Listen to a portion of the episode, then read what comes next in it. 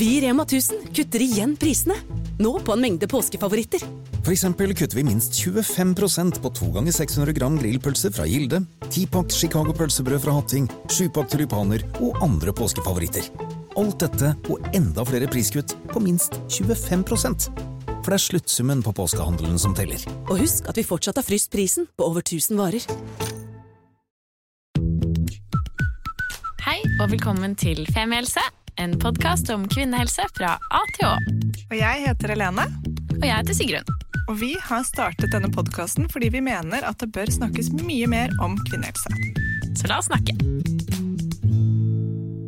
Hei, Helene. Hei, Sigrun. Jeg hørte en veldig interessant fakta i dag. Ok. At uh, i nedgangstider Mm. uh, og liksom økonomisk tøffe tider, så blir det solgt mer leppestift. Er det sant? Ja, fordi liksom, Det er jo egentlig ganske logisk, da, fordi når man ikke har eh, kanskje råd til å kjøpe masse nye klær og liksom, jeg vet ikke, ting eh, til Mm. seg selv, så har man fortsatt lyst på den der feel of jeg vet ikke, Ja. Et eller annet ny, freshe seg opp litt, Ja. liksom feeling powerful. Alt det en leppestift kan bidra til. Ja, det gir mening. Jeg ser for meg sånn der, Når du sa det, så sa jeg sånn her i etterkrigstiden hvor man ikke hadde noe penger, så var det sånn alltid Men du hadde liksom en leppestift og så ett par strømpebukser, og så var du klar for byen. Ja, Ja. Ja. God fakta. ja. God fakta. Ja.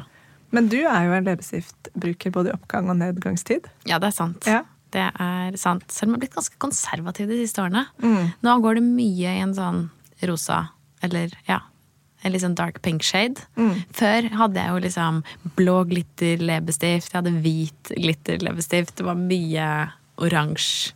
Det var mye greier. Det var mye greier. Men det var gode tider. Problemet var bare at kvaliteten var så dårlig. Jeg ble så tørr på leppene. Jeg ble lei av det. Ja. Ja. Jeg så det har kommet en ny fra Chanel nå, Ja. som du tar på, og så gjør han Og så begynner han å glitre. Seriøst? Ja. Altså sånn som uh, Sigmund Mentol? ja, Som du klikker. Klikker for å få. Ja. Det er jo veldig, Den ønsker jeg meg til jul. Mine tanker går jo da umiddelbart til mikroplast. Hva er dette glitteret? Ja. Men det har jeg ikke giddet å gjøre research på. Men nå er det blitt ulovlig med dumt glitter. Ja. Det er ikke lov lenger, så da må det jo være bra glitter. Det fins jo nedbrytbart glitter. ja, da er det sikkert det. Eko. Jeg så også at uh, en trend som er på vei tilbake, som jeg håper kommer, er at sånn, jeg vet ikke alle om alle Sånn gestring høyt over bukket seg. Sånn sommerfugl. Gestring, ja. Ja, det. Men også bruke den som på en måte veldig sånn foundation-farge på leppene. Nei. Jo, jeg håper det. For det var, sånn jeg, det var min glansperiode. Ja, ja. Jeg hadde en fra Concealer. ISL som var liksom som om leppene gikk i ett med resten av ansiktet. det var fine tider. Ja, jeg Ja. håper vi kommer tilbake dit. Jeg òg. Jeg kjente jo ikke deg da du var ung. Nei. Men Nei. jeg kjenner deg når du er ung. Det er sånn Så det er. kanskje det hadde vært fint sånn at hvis jeg kunne få et lite sånn picture into how it was. Jeg skal sende noen bilder. I forrige personlige episode så snakket jeg jo mye om meg selv som Victoria Beckham Pushbice på barneskolen. Yep. Og det skal jeg sende et bilde av.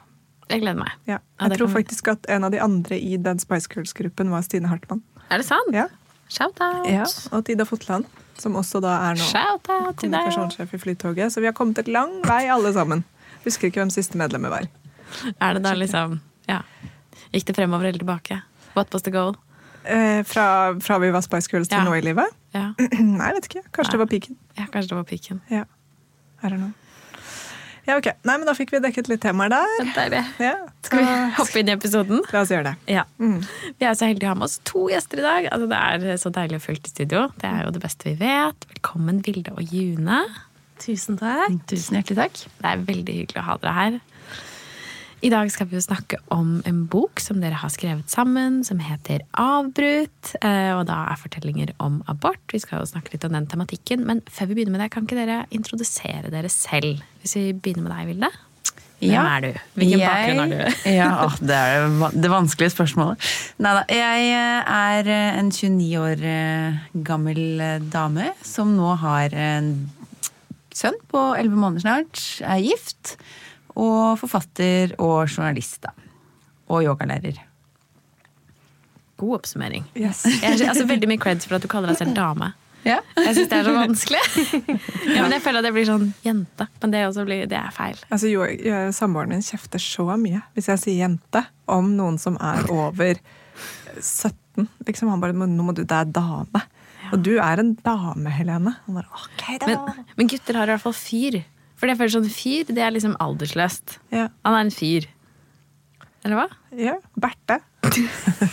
Hva med deg, June? Hva titulerer du deg som? Nå følger jeg Vilde sin eh, oppskrift her. Jeg heter June, er 32 år gammel, har en sønn på to år. Og forlova, snart gift. Og Så gøy. Og så er tekstforfatter og journalist, og har skrevet boka 'Avbrutt fortellinger om abort' sammen med Vilde. Og den eh, ga vi ut i september 2023. Kan jeg si det? Jeg vet ikke Ja, ja. når den publiseres. Absolutt, ja. den publiseres etter september 2023, i hvert fall. Boken er å få tak i. Ja. Med tanke på at det er halloween i dag. Gratulerer med halloween, forresten. Ja, tenkte. Tusen takk. Vi glemte å feire. Ja, det var synd. Ja. Kan ikke vi fire gå trick or treat etter dette? Jo, ja, rett herfra. Og på de kontorene i podstudio her. Ja, Det er ganske god candyføring her hos både òg, så jeg tror egentlig det ville vært ganske innbringende. Ja. Da Ja, har vi men- en plan. Ja, men det er bra. Um, men kan ikke dere begynne å fortelle litt om liksom, historien bak boken? Hvor kom ideen fra? Hva, ja, fortelle litt om det. Starten. Ja, det starta jo med min egen historie der, da. Det som var at jeg møtte jo han som jeg nå snart er gift med, da, i 2019. Og så hadde jeg kjent han en måned. Så jeg kjente han jo egentlig ikke, med andre ord. Jeg visste ikke helt sånn hvilken merkelapp jeg skulle sette på han, og visste jo ingenting om hvordan den relasjonen her blei videre. Men jeg oppfatta jo da at jeg hadde blitt uønska og uplanlagt gravid.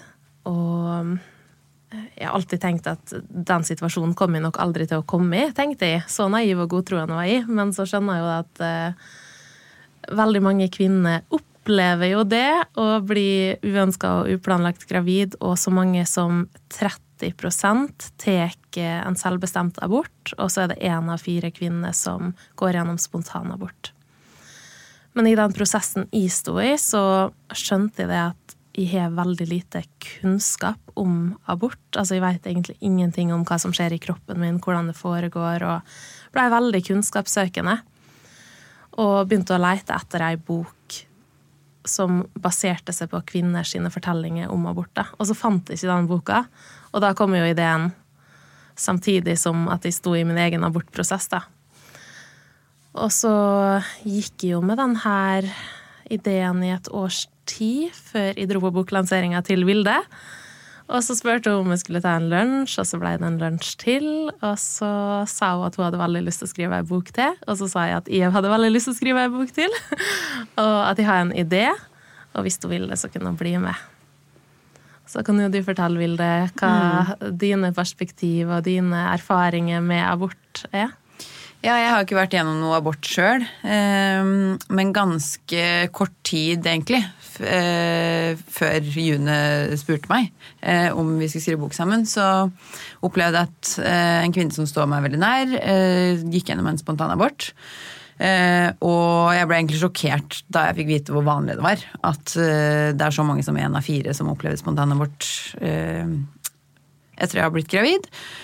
Og hun fortalte liksom hvor ekstremt vondt det hadde vært. Det var ekstreme blødninger. Hun hadde ligget på baderomsgulvet i krampetrekninger og sa liksom basically at det her gjør jeg aldri igjen. Det er det vondeste jeg har gjort noen gang.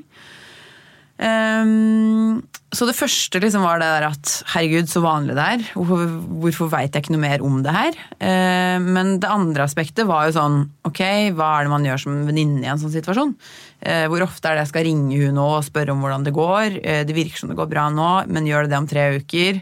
Eh, det her var jo øns en ønska graviditet. Hvordan stiller man opp, da? Så det har på en måte vært min tilnærming til det her. En frustrasjon over hvor lite jeg visste. Og så liksom, et ønske om å endre samtalen om abort. Da. Fordi jeg føler at det eneste vi har lært om abort, det handler om for eller imot-tenkning. Det er liksom debatt. Eh, og at liksom jeg tror det har ført til at hva som på en måte er tillatt å føle i etterkant og under en abort, eh, har vært bærer veldig preg da, av den debatt, debatten som har vært. Så et ønske om å endre det, rett og slett. Og det kan jo jeg si litt om, fordi at da jeg gikk gjennom min abort i 2019, så var det jo en pågående debatt om eh, reservasjonsretten, altså Nei, ikke om reservasjonsretten, beklager. Det var da eh, For første gang så blei abortloven eh, rørt, da. Altså, de endra den. Den har vært uberørt i så mange år, og da var det jo veldig mye eh, for og imot. Eh, om man skulle ja, og demonstrasjoner, ikke minst. Og så var det en del kampanjer på sosiale medier og sånn. Og jeg blei jo spurt om jeg ville stille opp, og jeg hadde jo eh, skikkelig lyst, men det blei liksom for nært, da. Jeg var for sårbar akkurat i den situasjonen jeg sto i. Og jeg opplevde jo det at hele den debatten gjorde det mye vanskeligere for meg å fortelle min historie og dele den. For jeg tenkte at de jeg kom til å dele det med, ville være enten for eller imot, og jeg var redd de skulle dømme meg for at jeg valgte å ta en abort, selv om det var det eneste som føltes rett for meg. Så var jeg redd for å høre at noen skulle fortelle til meg at det er feil, eller det må du ikke gjøre, dette her må du stå i, nå har du sittet deg sjøl i den situasjonen, da må du ta ansvar. Altså mange sånne ting da, som man kan få høre, dessverre, når han kommer i den situasjonen. Og så er det jo viktig da å få fram at uh, veldig mange kvinner som uh, opplever uønska svangerskap, går jo på prevensjon og gjør uh, i hovedsak ikke noe feil, men så føler de jo gjerne at uh, de gjør en at jeg er uansvarlig. uansvarlig ja. Ja. Mm. Og det er noe som er gått igjen hos veldig mange av kvinnene vi snakker med i boka. At de føler at de er uansvarlig når de tar abort, og så kan det jo faktisk bare handle om flaks eller uflaks, liksom. Og det Ja, vi må snakke om det på en helt annen måte og, og egentlig fjerne alt dette der for eller imot, for det er med på å gjøre det enda vanskeligere for kvinner som tar aborter, å snakke om det. da. Mm. Ja, det der er så sant, og det minner meg litt om en av de første liksom, Femihelse-historiene. Mm, som var at da jeg Rett før vi startet Femihelse, og en av grunnene til at vi startet Femihelse, var fordi jeg mm, var ute på byen og møtte en fyr og uh, lå med han. Og så brukte vi ikke prevensjon, så jeg tok en angrepille dagen etterpå. Og da satt jeg og kjedet meg på kontoret i romjulen. altså For første gang i mitt voksne liv. Det, tror det var andre eller tredje gangen jeg tok en angrepille. Så leste jeg pakningsvedlegget. Og bare Å ja, angrepille forskyver eggløsning. Ok. Og det skaper et litt ugjestmildt miljø i livmoren. Men jeg har sett for meg at det går ned som en sånn liten hormonbombe, sånn, som en miniabort. Og så begynte vi å snakke om dette på kontoret, og rakk opp hånden hvem som vet hvordan en minipille funker. Nei, en angrepille. Alle trodde at det var som en miniabort. Jeg bare nei, nei, forskyver eggløsning. Mm. Og det er tilbake igjen på språk og på struktur og på å sette på skam, er at du kan ta den angrepillen helt riktig, du kan gjøre alt helt riktig. Du kan allikevel ha eggløsning akkurat da og være veldig fertil og bli gravid. Så det er liksom noe med alt det vi liksom legger på våre egne skuldre av skam og skyld og så har vi bare ikke, også ikke fått god nok informasjon, for det heter en angrepille. Du kan jo ikke angre på at du har hatt eggløsning. Så, liksom ikke, så, den burde jo hett eggløsningsforskyvningspille med litt sånn hormoner som skaper noe ugjestmildt miljø i livmoren. Men det er fortsatt en sjanse for at du blir gravid selv om du tar den og gjør alt helt korrekt ifølge pakningsvedlegget. Mm. Så det er akkurat det du sier der med liksom den skammen og skylden og følelsen av at man har gjort noe galt eller gjort noe Det er bare så jeg er så lei hele altså, premisset. Mm. Men som dere alle har nevnt nå, egentlig, så er det mye følelser knyttet til abort og spontanabort. Hvordan har det vært å jobbe med denne tematikken på den måten dere har gjort? Dere har jo virkelig liksom gravd dere ned i det. Det var jo det jeg skjønte, at for at jeg var ikke forberedt på at jeg kunne ha så mye sånn motstridende følelser i den situasjonen. Selv om det var en selvbestemt abort, så følte føltes jeg så ambivalent hele situasjonen når jeg sto i den. Da. At i det ene øyeblikket så ville de på en måte dra det embryoet inn i meg igjen etter at kroppen min hadde utstøtt det. Og så føltes det riktig. Altså, det var veldig sånn der noe forvirrende situasjon å stå i. Og det jeg skjønte jo at når jeg sitter med det her, sjøl om jeg følte meg alene, så visste jeg jo at jeg er jo ikke alene om å ha det sånn. Det er jo alle andre kvinner som går gjennom en abort, har jo sine følelser knytta til det, og det er jo mye likhetstrekk og sånn. Så det var jo noe vi ønska å undersøke nærmere, og vi har jo skjønt at hver aborthistorie er unik. At mm. all, altså, selv om det kan være likhetstrekk, så er det ingen historie som ligner på ei anna likevel. Og så ser vi jo behovet for å prate om det, da, sjøl om mange syns det er vanskelig. Det er jo over 200 kvinner som har tatt kontakt med oss. Vi har snakka med utrolig mange, utrolig mange bakgrunner, livssituasjoner. Eh, så det er på en måte, sjøl om det er en eh, Sjøl om det på en måte er et valg da, man tar, så er det likevel med på å prege deg i lang tid etterpå. Og det er jo noe vi har sittet igjen med etter mange av samtalene. Eh, at vi har blitt veldig emosjonelt prega sjøl. Eh, at man må la det synke inn litt, for det er sterk, sterk kost, da, mye av det som har kommet fram. Mm. Og noen ganger har vi hatt behov for å spørre etter at vi har hatt samtaler om hvordan går det med det nå, og vi har hatt behov for å snakke med hverandre. Fordi at det er ja, det etterlater sterke inntrykk, altså en del av historien. Og så er det jo viktig å få fram at det aller fleste som går gjennom selvbestemt abort, opplever jo lettelse. Men kanskje de som har problematiske, de som har problematiske historier, har et større behov for å fortelle om det som har vært vanskelig. Da. Mm. Og så Det viktigste på en måte jeg sitter igjen med eh, knyttet til historien her, er jo det mangfoldet av følelser da, som June liksom beskrev litt under sin abort. At det er så lett å tenke som følge av liksom, abortdebatten igjen. da. Eh, enten så føler du lettelse, eller så er det dyp sorg og anger. Mm. på en måte, Mens det kan være alt det på en gang. da. Eh, at det er en klump av følelser, og den ene dagen kan man føle seg kjempeletta, og den neste dagen så ser man en barnevogn og tenker på sånn ah, eh, termindatoen, hva som kunne vært. Og at liksom, det må være lov å romme alt det. Eh, og som konsekvens av det, da, eller som, venninne, så må man kanskje ikke tenke at selv om det virker som det går bra i dag, så eh, er, er venninna di ferdig med det, da. Mm. Ja, jeg tror det er veldig viktig det derre som eh, jeg føler sånn um, i voksen alder nå at jeg lærer meg mer om ambivalens og mer om at det går an å romme to følelser samtidig. Mm. Eller kanskje mange flere følelser. At man kan liksom kjenne som dere sier, på lettelse og på anger. Og at det må være lov. Eller det er lov. Det er lov å være glad og lei seg samtidig. Det er lov å liksom Ok, da kan jeg planlegge sommerferien som vanlig, men også kjenne sånn Å, men det kunne vært en termindato. Og at det liksom hele den strukturen rundt debatten og hvor den kommer fra, er så giftig. Og at den ikke handler om å beskytte liv. For de aller fleste så handler den på ingen måte om Det handler om kvinneundertrykkelse. Og det handler om så utrolig sånn gamle strukturer i samfunnet. Hvis du ser på hele debatten i USA, som er liksom pro-life og passe på, så er det sånn det, altså, det, det, det, handler jo ikke om å passe på barns liv. På, på, på den andre siden så er man f.eks. veldig pro skytevåpen. Da, som er sånn utrolig sånn der, grotesk debatt å se på fra sidelinjen. Men det er jo, jeg føler at det er mye av eh, Det er liksom ripple-effekt fra det inne i Norge også. Selv om man liksom snakker om det på en annen måte, så er det jo Det handler jo til syvende og sist om et forsøk på å kontrollere kvinner og kvinners kropp. Men at den debatten også er med på å påvirke, tror jeg, mye av våre egne følelser rundt det vi gjør. da. Mm. Og hvis den hadde vært mykere, og det hadde vært mer liksom, support, så hadde det vært lettere å gjennomføre en abort uten å få mye av den skyldfølelsen eller Ja. Fordi skyldfølelse og anger er jo også to helt forskjellige ting.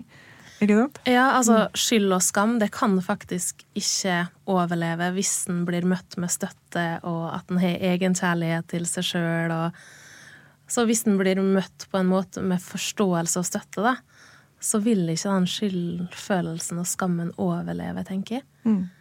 Så det er jo veldig, veldig viktig. Og jeg husker det jo sjøl at jeg eh, tok opp eh, det med aborten til eh, psykologen min, og jeg var så redd for hvordan jeg kom til å bli møtt. Fordi jeg var så redd for at to år i behandling skulle bli ødelagt, eller at hun ikke ville ha meg der som pasient lenger fordi at hun dømte min avgjørelse om å ta abort. Da. Så når jeg endelig klarte å si det til henne, så følte jeg jo at 1000 kilo rant av skuldrene mine fordi at hun sa 'veit du hva, June', jeg syns at abort skal være opp til hver enkelt kvinne. Hver enkelt kvinne skal gjøre det som er rett for henne å gjøre. Mm. Og da bare visste jeg at åh, hun aksepterer meg og støtter meg. Og da trenger jeg ikke å føle på skam og skyld overfor henne. Og så syns jeg også det er veldig interessant sånn, hvor mange av kvinnene som på en måte har sagt at de eh, egentlig er for kvinners rett til selvbestemmelse, men når det kommer til dem sjøl, så er det vanskelig. Eh, og de er for at kvinner skal på en måte få lov å ta abort av alle, andre, av alle mulige grunner, men når de sjøl velger det fordi de har lyst til å satse på sin egen karriere, så uh, gjør de noe feil, på en måte. Så det er veldig mye sånn skam som rettes innover mot en sjøl, da, faktisk. Det er superinteressant. At det er, ja, for det er jo liksom sånn, Hva ville du sagt til en venninne? Så er det sånn, ja, men Dette må jo du gjøre selv. Hvis du føler det, så støtter jeg deg 100 Hva ville du sagt til deg selv? Nei, herregud, for ei Men nå ikke sant? Det er helt mm. utrolig. Tenk deg om. Mm, tenk deg om. Ja. Mm. ja, det er sant. Mm. Nei, man må begynne med seg selv. Men har det vært eh, noen av historiene dere har fått inn som har liksom berørt dere ekstra mye? Alle har jo gjort det, vil jeg si. Eh, virkelig. Og vi har forstått at alle historiene er viktige. Men så er det jo selvfølgelig noen som, som fester seg kanskje ekstra, og som jeg føler at de har viktige budskap som vi kan ta opp i denne sammenheng. Vil du fortelle den med Sasha? Ja, ja det var jo ei kvinne som eh, hadde en mann med streng muslimsk bakgrunn. Hun hadde akkurat fått et barn, eh, hadde begynt på studier, eh, hadde liksom alltid satt seg sjøl til side, da. Eh, og så ble jeg uplanlagt gravid. Eh, og var egentlig veldig sånn fast bestemt på at det blir abort. Eh, hun er på vei til sykehuset, men så veit hun jo at hun har jo ikke mannens støtte, for han mener at abort er drap. Og mora og søstera hadde samme tilnærming, da. Veldig sånn streng religiøs oppvekst også. Så når hun sitter og skal ta abort da, på den forundersøkelsen, så trekker hun seg og sier at det klarer jeg ikke, for hun bare hører alle stemmene i hodet. Eh, med mannen som sier at du tar et liv, søstera og mora. Eh, så hun velger jo da å fortsette svangerskapet. De kommer tilbake på ordinær ultralyd i uke 18, og så får fosteret påvist eh, kromosomavvik som gjør at hun må ta en senabort fordi fosteret vil ikke overleve. Og da sier mannen at kanskje det er Gud som straffer deg fordi du vurderte å ta abort. Mm. Så det er liksom Jeg tenkte i hvert fall før jeg gikk i gang med prosjektet at sånn, sånn skjer vel ikke i Norge fortsatt. Men det er liksom mange eksempler på, da. Hvor streng religion kan være fortsatt, da. Eh, I enkelte grupper. Ja, det er så heftig. Mm. Eh, jeg kommer jo på veldig mange historier nå når jeg hører den òg, men jeg kan jo da starte med ei kvinne som hadde så lyst å få et barn til, men hun skjønte at helsa ikke tillater det. da. Hun hadde ME og hadde en sønn fra før, og det, hun har blitt ufør da, som følge av sykdommen. Og hun visste òg at mannen hennes hadde veldig lyst på et barn til. Og så blei hun gravid, men uh, uplanlagt, da. Altså, hun gikk på prevensjon. Og da skjønte hun det at dette her kan ikke jeg dele med mannen min, for da blir det mye vanskeligere, fordi han ønska det barnet her, og jeg ønska det egentlig. Så hun fortalte jo til han at hun eh, dro på hotellopphold med venninna si. Og så det hun egentlig gjorde på hotelloppholdet, var jo å gå gjennom en sjølbestemt abort.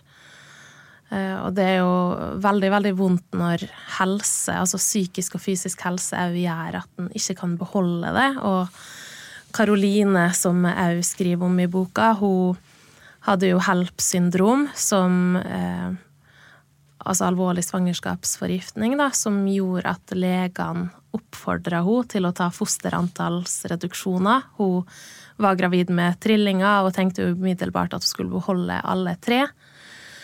Men pga. at hun hadde HELP-syndrom og hadde vært gjennom eh, en veldig komplisert fødsel tidligere, der dattera ble født i uke 23, så sa alle fagpersonene rundt henne at vi anbefaler det å fjerne ett av fostra, men aller, aller helst to, i håp om at det siste, eller det ene, skal overleve, da. Og det er jo sånn mange ikke tenker på når de står og snakker om Klarer du det én, så klarer du to. Ja, sant? ja. Det var jo ikke casen her i det hele tatt. Og så sjøl om da alle legene, fagpersonene hun var i kontakt med, sa at jeg råda henne til å ta fosterantallsreduksjon, så måtte hun gjennom ei nemnd som skulle ta avgjørelsen for henne. Og det er jo Ja. Det har vært mange historier som mange har sagt til oss i etterkant av at jeg har lest boka, at jeg hadde aldri tenkt at abort kunne handle om så mye. Mm. At det er så mye som påvirker kvinnen til å ta aborter. Da. Det handler ikke bare om om man ønsker å være gravid eller ikke. Det er så mye, mye mer enn det. Ja, det er virkelig. Den historien du nevner der, leste jeg også om i VG, og mm. gjorde veldig inntrykk på meg. og Jeg blir jo hele tiden Jeg føler som menneske møtt med mine egne fordommer i døra hver eneste dag. For jeg leste liksom For hver setning jeg leste i den historien, gjorde inntrykk på meg. Og gjorde at jeg liksom forsto mer og mer og mer om hva hun hadde gått igjennom, selv om jeg ikke forstår hva hun har gått igjennom og stått i. Men jeg forsto liksom valget på en helt annen måte etter å ha lest hele det. Og jeg tror liksom, Vi har spilt inn en episode om abort, om selvbestemt abort. Eh, og det tok lang tid før vi fant helsepersonell som var villig til å stille opp. Eh, vi fant til slutt Mette Løken, som eh, kom og er veldig kunnskapsrik og var en av de som jobbet for å få abortpillen til Norge. altså Sånn at du kan ta hjemmeabort. Hjemmeabort. Mm. Uh, som, ja, Så den episoden anbefaler vi dere å lytte til. men men hun sa også en ting eller som vi også snakket om i denne episoden, er at bunnlinjen er at ingen ønsker jo å ta en abort. Det er jo ingen som har lyst til å ta en abort. Og det synes jeg liksom Hvor kommer den den omsorg og det perspektivet syns jeg forsvinner så hardt ofte i den fordømmelsen av at man ikke har vært ansvarlig, eller at man ikke har passet godt nok på, eller det er noe annet. da. Det er jo ingen som ønsker å utsette seg selv, psyken eller kroppen sin for det. Og bare det at debatten har dreid så mot liksom det her med nemndsystemet og seinaborter og sånn. For realiteten er jo at 95-96% tas før uke 12. Mm. Eh, så det er skapt et sånn veldig feil bilde òg av hva en abort faktisk er. Det er blitt tatt Eh, mediene har brukt, brukt, mange bilder av store fostre når det skrives om abort, f.eks., eh, mens i realiteten så er det snakk om noe som er veldig veldig, veldig lite da, før uke tolv. Så det er liksom eh, bildene og assosiasjonene som er til abortbegrepet, og er jo prega av det. Og så ser vi jo òg, vi har sett litt på forskning på det med liksom kvinnerolle, forventninger og sånn i forbindelse med det å ta valg, da. Og der ser man jo at Eh, det kvinnelige idealet handler jo veldig ofte om å ta valg som, der du prioriterer andres behov foran dine egne. Det blir sett på som eh, omsorgsfulle valg for kvinner. Eh, og det å ta en abort selvbestemt bryter jo veldig med det idealet. Så det er veldig mange som skammer seg som resultat av det, og som holder det inni seg som resultat av det. Og da preger aborten deg nødvendigvis i lengre tid òg. Når du står i det aleine, sånn som hun som drar på hotell, hotellrommet aleine og ikke forteller det til sin egen ektemann engang det er klart at det preger deg lenger da, enn hvis du har muligheten og føler at du har muligheten da, til å være åpen. Mm. Så bare den bevisstgjøringa på liksom, å fortelle kvinner at vet hva, eh, de aller fleste kvinner eh, tenker veldig mye på omsorg til andre når de står i en sånn valgprosess. Kanskje betyr det at du skal trekke deg litt unna når du står i den prosessen da, med å velge om du skal ta abort eller ikke. Fordi det er så veldig lett å bli påvirka av andres forventninger og tanker om hva du burde gjøre. Ja, og det er en, det er jo så mange røde linjer eh, i dette som hvis du, og hvis da fødsel og barselomsorgen var perfect, og hvis oppfølging etter når du har blitt nybakt mamma, og hvis mammaer ble virkelig verdsatt i samfunnet så hadde, altså Ikke at debatten skulle vært noe annerledes uansett, abort er enhver enkelts valg. Men det er det som også er så frekt. At liksom aborten er sånn, eller debatten er så hard på det. Men så er det sånn Bare skrur ned på alle liksom, tiltak og midler mot der hvor du, når du faktisk skal føde og bære fram dette barnet. Jeg vet sånn, ja, det er så Det er så radikalt feil. Og det ser vi jo økonomi, hvor viktig det er. Eh, jeg fødte jo min sønn nå i desember.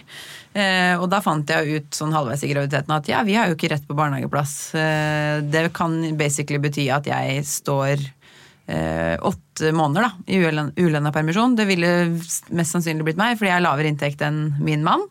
Eh, og bare det alle liksom eh, Litt det du er inne på, med at eh, det å få barn blir på en måte ikke sett på som verdifullt arbeid sammenligna med det å stå i arbeidslivet. Da. Så man mister mange insentiver til å skulle ønske å få barn. Mm. Og det er jo en grunn til at ja, reproduksjonsraten bare går ned og ned og ned og ned.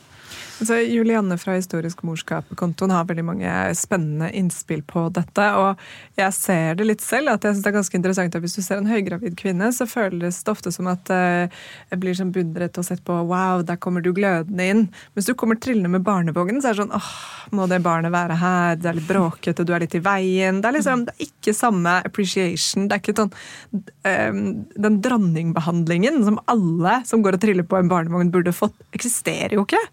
Får jo knapt nok hjelp til å bære vognen inn på trikken, og da skal du være heldig at det er en annen mor som ser deg og kommer løpende. Mm. Nei da, det er sikkert andre som hjelper til med det også, men det er bare det Ja.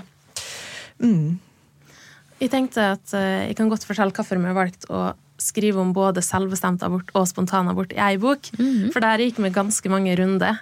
Mm. Om vi skulle liksom skrive ei bok med bare selvbestemt abort og så spontanabort, eller Men så skjønte jo med det at det er så mange kvinner som sitter med begge de erfaringene. At de har opplevd begge deler, og at faktisk noen har opplevd spontanabort når de har ønska å ta en selvbestemt abort, og da har de blitt letta fordi at de slapp å ta valget.